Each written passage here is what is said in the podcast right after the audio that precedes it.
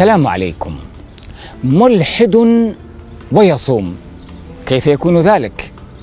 كتب الأديب الموسوعي الكبير في القرن الماضي عباس محمود العقاد في كتابه مراجعات في الآداب والفنون مقالة بعنوان الصيام إثبات للذات أم إنكار لها؟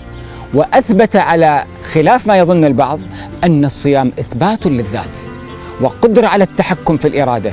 وقدرة على تأخير الحاجيات وإرجاء الضروريات. اذا الصيام يا جماعة باختصار عملية تدريب لعضلات الإرادة. ثم يقول إن له صديق لا يمر صديق ملحد لا يمر يوم يومين إلا ويهدم دليل من أدلة المؤمنين.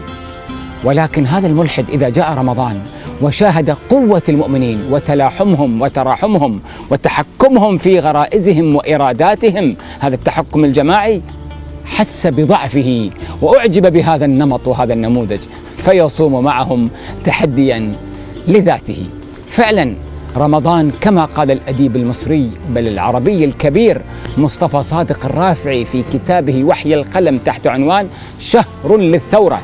نعم ثورة على الذات تتغير منظومة حياتك منظومة المنام منظومة الطعام منظومة الدوام منظومة المدام منظومة كل شيء تتغير. الحياة. كيف استطاع الإنسان أن يتغير؟ لأن عنده إرادة. مشكلتنا أن دائما تقول ما أستطيع أن أغير. لا أنت تستطيع ولكنك لا تريد. وأحمد شوقي يأتي لكي يختصر لنا بعض ملامح الحكمة الرمضانية أو, أو الصيام. فيقول في منظومته الصيام هو حرمان مشروع وتأديب بالجوع وخضوع لله وخشوع.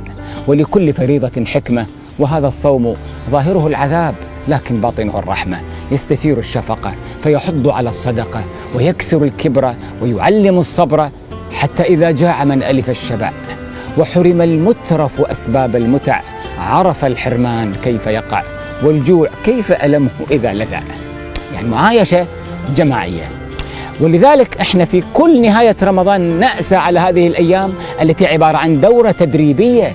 وكل الذين يعطون دورات تدريبية يقول لك الإنسان عبارة عن ما تكرر تقرر ونمط سلوك عادي عادات ثم يتبرمج عليها. و20 يوم على عاده معينة تتبرمج.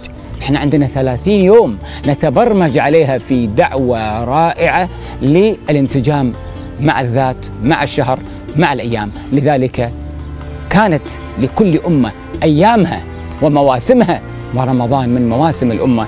لذلك قال الصالحون لله سبحانه وتعالى خواص من الأماكن والأيام والناس ورمضان. هي أيام الله سبحانه وتعالى التي ندرب فيها أنفسنا ونتخلص من كثير من الأمور يعني من ضعفنا من استهلاكنا في عصر الاستهلاك واللذائذ والإسراف والكماليات.